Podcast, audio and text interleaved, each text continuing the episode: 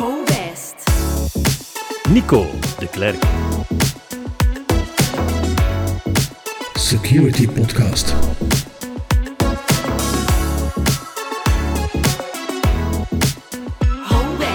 Hallo, ik ben Nico de Klerk en ik heet je alvast weer welkom bij deze Security Podcast.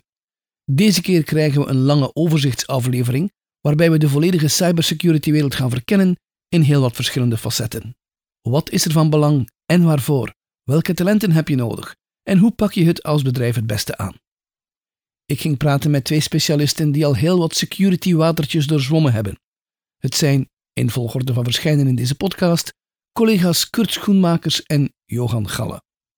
Ik stak bij het gesprek dan ook meteen van wal met de hamvraag. Wat is dat nu eigenlijk volgens jullie, die cybersecurity? Wat is cybersecurity? Dat is een ongelooflijk moeilijke vraag. Want cybersecurity is zo uitgebreid dat er nu op eh, het internet een eh, heel boek over bestaat, het SciBook. En als je daarnaar kijkt, zijn er heel veel categorieën. Je hebt daar ook heel veel mogelijkheden in om eh, te beginnen werken. Bijvoorbeeld, je kunt security management gaan doen, maar je kunt ook ethical hacker worden en pentesten gaan doen. Kunt jij ook uh, de security architectuur van een bedrijf op gaan zetten. Er zijn oneindig, allez, oneindig veel mogelijkheden, is misschien veel gezegd, maar er zijn heel veel mogelijkheden in security. Security is zo'n uitgebreid veld hè, dat OWEST een richting is gestart gespecialiseerd in cybersecurity. Je kan natuurlijk ook cybercrimineel worden. Leer ik dat dan ook? Als je cybercrimineel wilt worden, zij er niet op uw plaats bij HoWest. Het is de bedoeling dat wij cybercriminelen bevechten. Met andere woorden, je gaat inderdaad een aantal technieken leren, maar je gaat ook een contract moeten ondertekenen dat je die technieken enkel gebruikt ten goede van de bedrijven, de organisaties, de mensheid in het algemeen. Ik leer dus niet hoe ik cybercrimineel kan worden. Zijn er nog verschillen tussen cyberspecialisten en cybercriminelen? Nog een belangrijk onderscheid tussen de cybercriminelen en wat cybercriminelen als vaardigheden moeten hebben en wat wij aan onze mensen leren, is het verdedigingsaspect. Er, er wordt heel vaak op tv en, in films en zo meer ziet men allerlei spectaculaire dingen met, met zwarte hoodie mensen die, die allerlei uh, geheime en, en vreemde dingen aan het, aan het uitvoeren zijn. Maar het verdedigen is een veel belangrijkere taak. En, en bestaat uit heel veel stappen. Hoe gaat een cybercrimineel binnenkomen? Maar stel dat hij binnen geraakt, wat gaan we nadien doen? Hoe gaan we hem detecteren? Waar gaat hij naartoe gaan? En, en op elk van die stappen kunnen wij anticiperen en kunnen we kijken en kunnen we eigenlijk onze mensen opleiden om hoe ga je als verdediger eigenlijk detecteren wanneer een aanvaller bij jou binnen is. Johan heeft daar een uh, heel goed punt. Het is namelijk zo dat als je naar security kijkt, dat je dat in drie grote takken kunt onderverdelen. Je hebt wat de meeste mensen het meest over weten, hè, dat is over offensive security. Dat houdt het hacken in, dat is eigenlijk het meest gedrag van criminelen, maar op een ethische manier. Nagaan hoe de criminelen werken, proberen hun gedrag na te doen en te proberen van in systemen binnen te geraken om de bedrijven, organisaties enzovoort, ook de mensen in het algemeen, bewust te maken van de gevaren die er zijn en hoe dat ze zich daartegen kunnen verdedigen.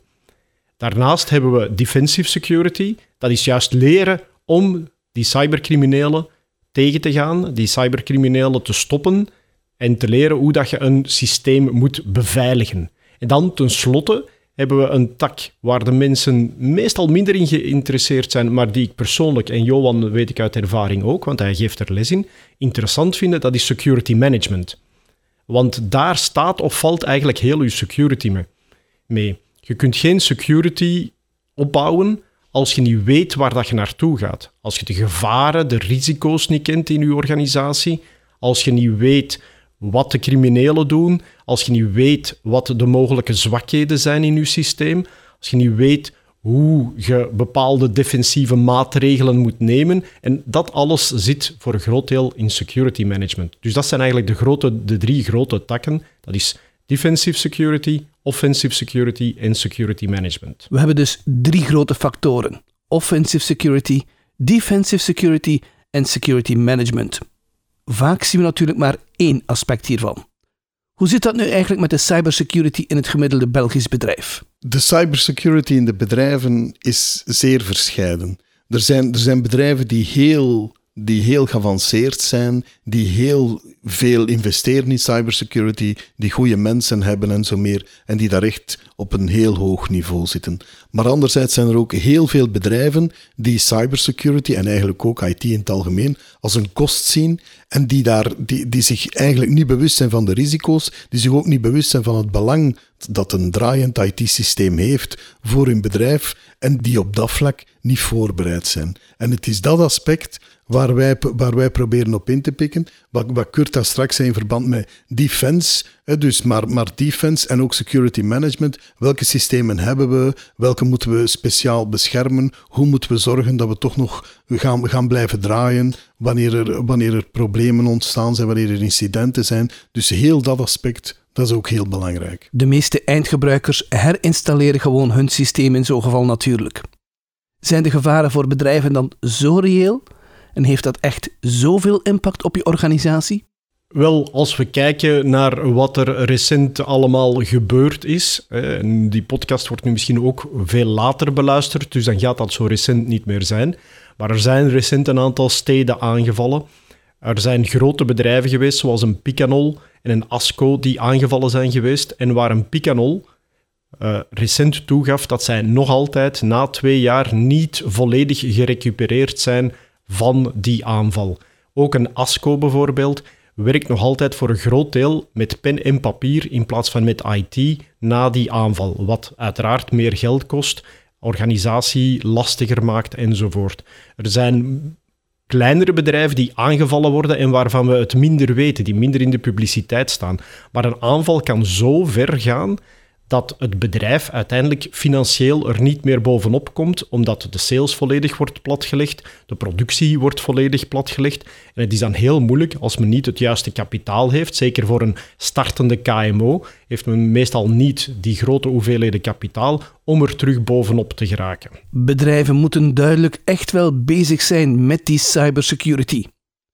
Het verbaast jou ook misschien dat het zo erg is.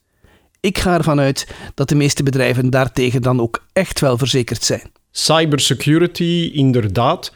Je kan je verzekeren tegen diefstal. En dit gezegd zijnde, we gaan ook wel wat leren uh, in de lessen over uh, cybersecurity verzekeringen. Maar cybersecurity verzekeringen zijn veel lastiger en veel minder. En vaak wordt uh, dat ook, het hoort weer bij dat security management, wordt dat niet gebruikt door kleinere bedrijven.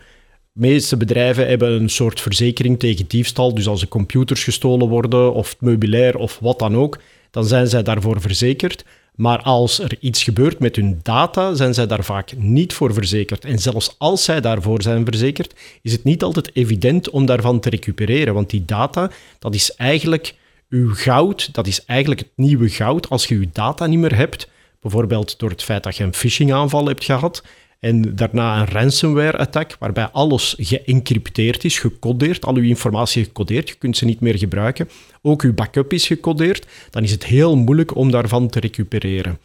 Zelfs met een verzekering. Nu, die, die onbeschikbaarheid, dus het feit dat er niks meer draait, daar zijn heel veel bedrijven niet op voorbereid. Bedrijven zijn er wel op voorbereid dat één bepaalde computer uitvalt, maar daar hebben ze wel procedures voor om dan een andere te installeren en zo meer. Maar wanneer plotseling gelijktijdig alles uitvalt, en dat is eigenlijk wat je bij een ransomware aanval, aanval kan hebben, daar zijn bedrijven niet op voorbereid. Maar anderzijds, die onbeschikbaarheid is maar één aspect. Hè. Als je vraagt aan een bedrijf van wat wil je absoluut niet dat jouw concurrenten gaan, gaan, gaan zien of gaan, of gaan kunnen buitmaken, dan weet je, oké, dat dat, dat, dat, dat zijn de data die ik enorm moet beschermen, die, die zeker niet mogen lekken.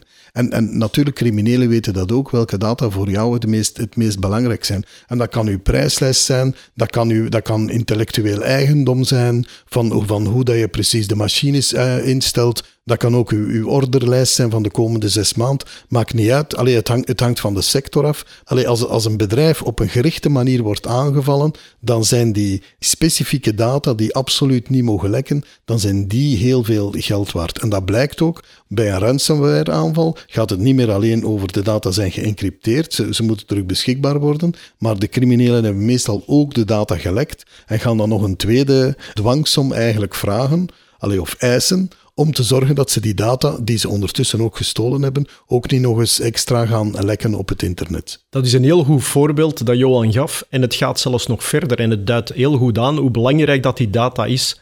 Want je hebt ook nog een derde aanval op die data mogelijk als je zo'n ransomware-attack krijgt. Dat is namelijk dat de data die op jouw systemen staat, bijvoorbeeld bij een hospitaal, van derden, dat die wordt gebruikt om die derden dan te chanteren en proberen van die derden een losgeld te krijgen. Niet alleen van die derde, vaak wordt het bedrijf zelf eerst aangesproken van als jullie niet nog eens een derde losgeld betalen, dan gaan wij die anderen, jullie klanten, eigenlijk chanteren. En als het bedrijf dat niet betaalt, dan gaan zij rechtstreeks die klanten benaderen en dan gaan zij aan de klanten zeggen van kijk, als jullie niet die som of die som betalen, dan wordt jullie data, bijvoorbeeld medische data, wordt dan publiek gemaakt op het internet. Vroeger werd dat ook vaak op, alleen op het darknet gezet, wat minder beschikbaar is en minder publiek. Maar vandaag de dag dreigen de criminelen echt van het op het publieke internet dat we allemaal kennen te zetten. En dat zijn zeker zaken waar je je tegen moet beveiligen. Uiteraard wil niemand zijn privé- of bedrijfsdata op het internet terugvinden. Die ransomware-aanvallen zijn dus echt wel gevaarlijk. Al jouw data is geëncrypteerd. Maar als je het wat pragmatisch voorstelt, krijg je ook netjes het aanbod om te betalen om die data ook terug te krijgen. Is er bij zo'n ransomware-aanval eigenlijk wel een best practice? Betalen of niet betalen? De discussie van moet je betalen of moet je niet betalen is een heel gevoelig onderwerp. Uh, de, de politiediensten hebben daar een heel duidelijke mening over natuurlijk. Uh, dus als bedrijf bekijk je dat wel een beetje meer genuanceerd en ga je zeggen, oké, ik ga hier een, een som geld betalen en dan heb ik mijn data terug. Inderdaad, ik weet niet zeker, ik weet ten eerste niet zeker dat ik mijn data ga recupereren en ik weet ook niet zeker dat de data niet uiteindelijk gaan gelekt worden, maar als je dat vergelijkt met de kost die men anders moet doen om alles te gaan, te, gaan recoveren uit backups of uit oude backups en zo meer, dan gaat men toch soms kiezen voor het, voor, voor het betalen. Maar het belangrijkste probleem met betalen is dat je eigenlijk een systeem, een, een economie, een, een, een dark economie als je wil, dat je die in stand houdt terwijl dat je dat eigenlijk juist probeert tegen te gaan. Zo, zowel ethisch als, als macro-economisch is het eigenlijk geen goed idee om te betalen. Misschien daarbij nog even vermelden dat er in bepaalde landen al wetgevingen zijn die de bedrijven verplichten van niet te betalen. Dat er wetgeving is die zegt van je moogt geen ransomware betalen. Hoe je dat gaat controleren is natuurlijk iets lastiger. Daarnaast zijn er ook bedrijven in eh, Europa die leven van het onderhandelen met dergelijke criminelen. Dus securitybedrijven die mensen hebben die gespecialiseerd zijn in onderhandelen met de criminelen over het losgeld en de garanties dat bepaalde zaken kunnen ontsleuteld worden. Het is intussen denk ik ook bij de luisteraars wel duidelijk dat cybersecurity voor het voortbestaan van de organisatie belangrijk is. Dan snap ik ook waarom het belangrijk is dat je cybersecurity activiteiten gemanaged worden. Hoe moet je er dan als bedrijf het beste aan beginnen? Hoe je als bedrijf moet starten om aan cybersecurity te doen, is natuurlijk een, een heel brede en een heel moeilijke vraag. Maar wat in elk geval belangrijk is, is dat je start met een risicomanagement, met een risicobeeld van wat zijn eigenlijk mijn risico's? Wat zijn de dingen die ik absoluut niet wil kwijtspelen? Wat zijn de dingen die ik, die ik het meest wil beschermen? Wat zijn de zaken waar ik het meest bevreesd voor ben? Want op basis van de, de risico's en, en hoe belangrijk een bepaald risico voor een bepaald bedrijf is, kan je dan jouw beveiligingsmaatregelen gaan afstemmen. En maar het start met dat beeld van wat, wat wil ik eigenlijk beveiligen en wat wil ik meer beveiligen dan iets anders. De volgende stap is dan van, oké, hoe, gaan, hoe gaan we dat beveiligen? Met welke maatregelen gaan we dat oplossen? En wij denken allemaal aan technische maatregelen, zeg maar firewalls, antivirussen en weet ik veel wat nog allemaal. Maar, maar het zijn niet alleen die technische maatregelen, het zijn ook uw, uw menselijke procedures. Hoe gaan we bepaalde processen uitvoeren binnen het bedrijf? Die zorgen er ook voor dat er security is. Da, dan hebben we het systeem ongeveer in orde. Dan kan je zeggen, in een, in een iets groter bedrijf gaat het dan ook belangrijk zijn. Dus ik denk bijvoorbeeld als je in de energiesector werkt, dan is het belangrijk dat je weet welke bedreigingen zijn er momenteel zeer specifiek in de energiesector of in de banksector en zo meer. En hoe kunnen we ons daarop voorbereiden. Er bestaat een heel brede bron van, wat dat noemt threat intelligence, kennis, eh, allerlei bronnen, waardoor je kan zeggen, oké, hoe kan ik mij daar tegen beschermen? Dat is om proactief te zijn en, en, en zo te weten wat criminelen eigenlijk gaan doen of hoe ze precies gaan aanvallen.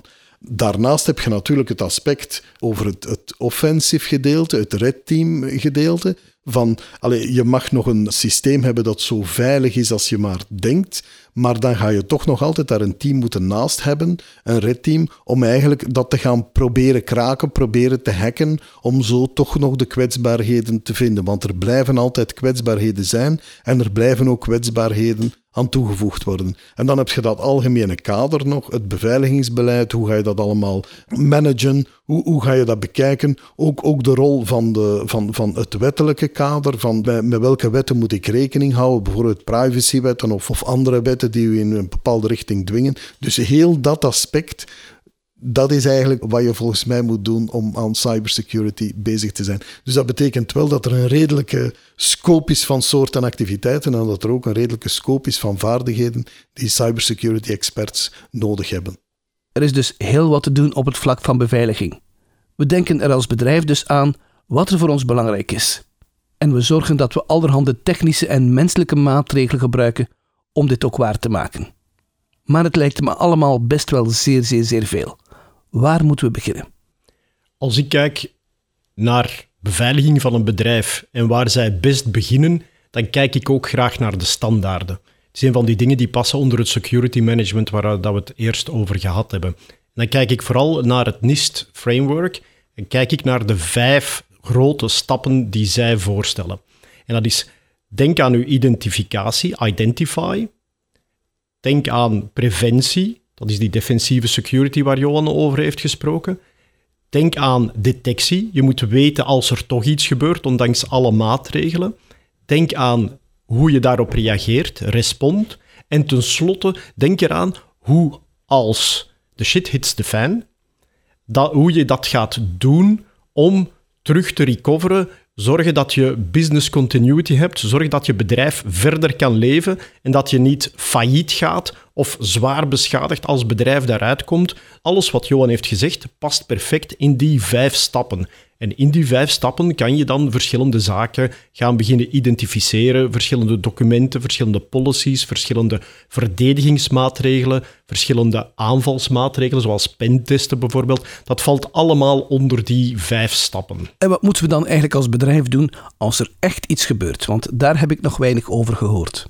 Nog een rol die belangrijk is en die af en toe vergeten wordt, en die we eigenlijk zelf allebei vergeten waren, is uh, incident response medewerker. Dus waar je eigenlijk als bedrijf je gaat voorbereiden op het ergste gaat komen. En, en hoe gaan we ons organiseren op het ogenblik dat er een incident is? Dus op die wijze ga je een team hebben dat daar eigenlijk al voor opgeleid is en dat daar ook klaar voor is, voor als er een incident gebeurt. En dat je op dat ogenblik niet een beetje ad hoc beslissingen gaat nemen van, ja, we hebben hier een incident, we hebben hier een inbraak, hoe gaan we dat oplossen, hoe, hoe, hoe gaan we dat organiseren? Heel veel van, van uw risico of van uw, van uw schade die je gaat hebben omwille van een incident, kan je eigenlijk voorkomen door een degelijke voorbereiding van uw incident response. En, en, en door de voorbereiding die je daar gemaakt hebt, kan je zorgen dat je impact uiteindelijk, de, de inbreker is er al, dus die ga je niet tegenhouden, maar je gaat ervoor zorgen dat hij minder schade aanbrengt. Ik kan dat alleen maar benadrukken dat Johan daar gelijk heeft.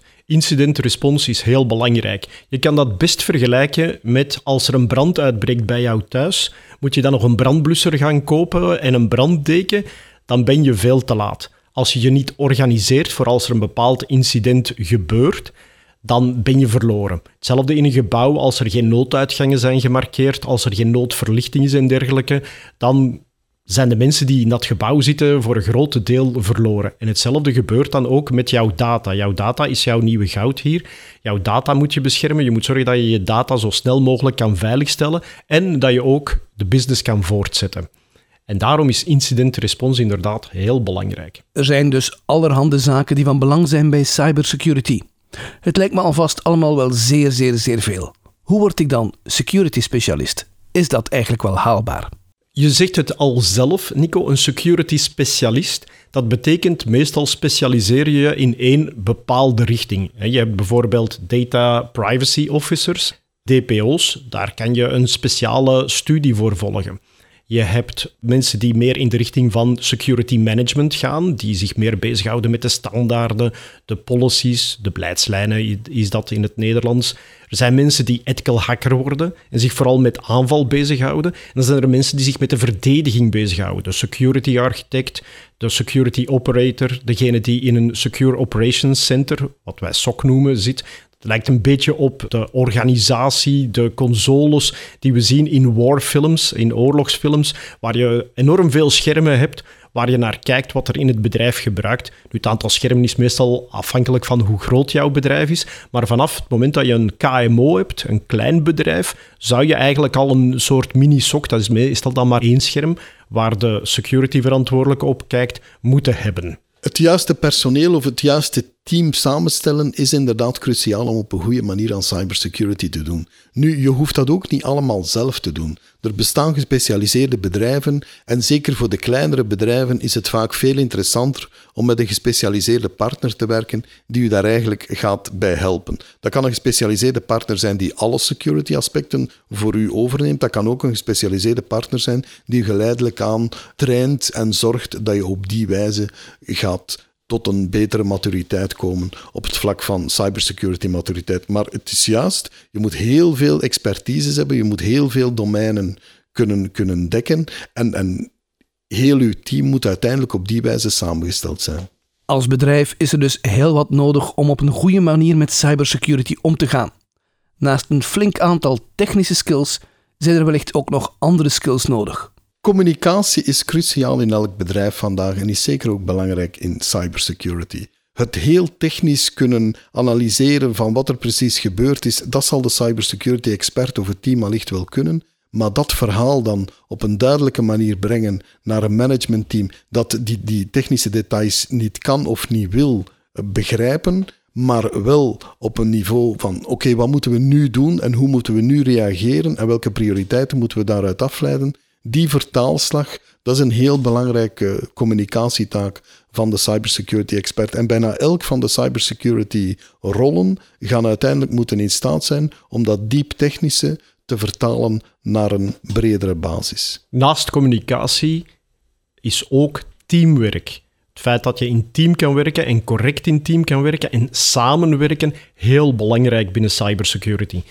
De criminelen zelf zijn georganiseerd. Zij werken al in team. Zij hebben hun eigen HR en zij zorgen dat zij de verschillende takken die zij nodig hebben om binnen te dringen bij bedrijven, dat zij die skills aannemen. En die mensen werken allemaal samen om een aanval te doen. Wel, wij moeten hetzelfde kunnen als een team werken en als een team uh, verdediging organiseren, maar ook zorgen dat als er iets gebeurt, dat we als een team de incident response, dat we kunnen reageren op het incident, dat we dat als een team kunnen doen. Uiteraard hoort communicatie daar voor een groot deel bij, maar dat teamwerk wordt toch ook heel hard benadrukt bij het werkveld. En onder het werkveld versta ik eigenlijk al de mensen die cybersecurity, al de organisaties die cybersecurity gebruiken. Dat is wat wij het werkveld noemen.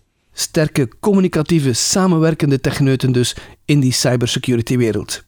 Zijn er ook nog andere rollen die van belang zijn in een bedrijf of organisatie rond cybersecurity? Cybersecurity is niet alleen de taak van de cybersecurity experten. Cybersecurity en het feit dat een bedrijf cybersecure gemaakt wordt en gehouden wordt, is het resultaat van het werk van iedereen.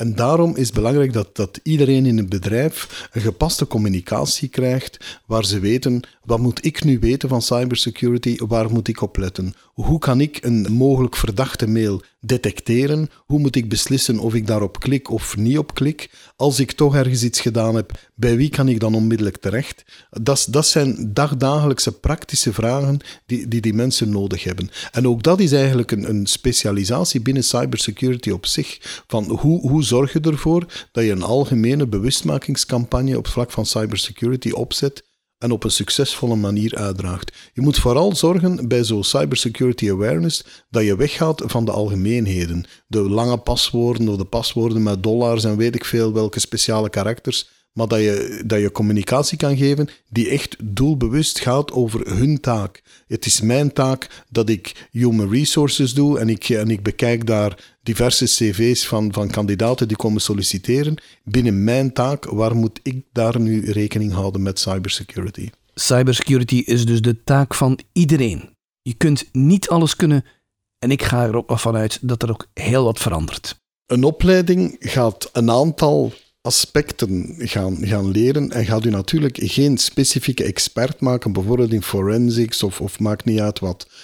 In, in elk van de bedrijven waar een cybersecurity expert gaat terechtkomen, gaat hij nog een heel groeipad hebben. Dat kan een groeipad zijn dat bestaat uit formele opleidingen, dat kan een groeipad zijn dat bestaat uit, uit ja, klein beginnen en, en grotere taken. Of, of zorgen dat ze in een team zitten, waardoor ze eigenlijk van de, van de andere teamleden zo meeleren hoe het, hoe het echt gaat. Dat, is wat er uiteindelijk gaat moeten gebeuren. En ik denk dat het daarbij belangrijk is te kijken naar levenslang leren betekent gewoon, als je in een bedrijf bent, moet je ook nog steeds bijleren en op de hoogte blijven van recente evoluties, van wat de criminelen op dat ogenblik weer uitvinden, van de nieuwe gaten die zij hebben gevonden, van de nieuwe, eh, Johan heeft het al vermeld, threat intelligence die je kan bekomen, maar ook zorgen dat de technieken die er zijn voor te verdedigen, de technieken voor het security management te doen, dat je die ook goed onder de knie hebt en dat je zorgt dat je daarvoor bijblijft. Daarvoor kan je bijvoorbeeld naar een instelling zoals HOWEST gaan, maar er zijn ook andere grotere instellingen zoals het Sense Institute bijvoorbeeld, die cursussen geven om jou daarin te laten bijleren. Meestal zijn dat het soort cursussen waar bedrijven hun security specialisten naartoe sturen. Allemaal goed en wel maar niet elk bedrijf behoort tot de top van de wereld en ik denk niet dat iedereen die kansen allemaal gaat krijgen. Er zijn natuurlijk ook mensen die terechtkomen in een bedrijf waar zij de en de enige cybersecurity expert gaan worden. In, in dat soort bedrijven is het vooral belangrijk, daar gaan die mensen geen duidelijk groeipad krijgen, want men heeft eigenlijk een onrealistische verwachting van hen dat zij de hele cybersecurity van dat bedrijf nu gaan oplossen daar is het belangrijk dat die studenten of die, die pas afgestudeerden, dat die het netwerk kennen, dat die weten bij welke bronnen ze terecht kunnen, dat ze ook weten welke extra opleidingen er bestaan om zich te vervolmaken in een bepaald domein. Levenslang leren is in elk domein belangrijk, maar is in cybersecurity nog belangrijker. Levenslang leren zal het dus worden.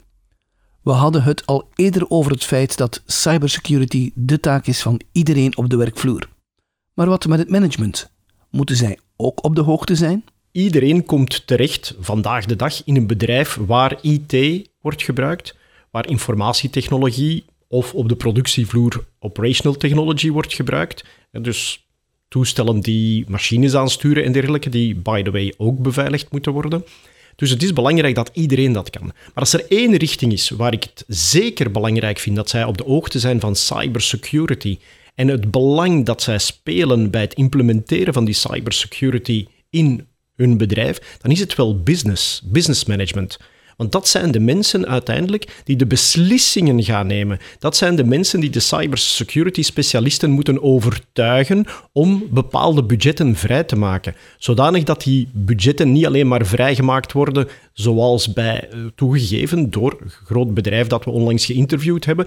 Dat budget werd direct vrijgemaakt. Er was direct veel budget nadat ze eh, getroffen waren door een zware ransomware-aanval. En over die ransomware zullen we het een andere keer moeten hebben. Als je meer wilt leren over dit toch wel superbrede onderwerp, kijk dan zeker ook eens naar de opleidingen en navormingen op de website van HOWEST. Bedankt voor het luisteren. We horen elkaar zeker weer de volgende keer.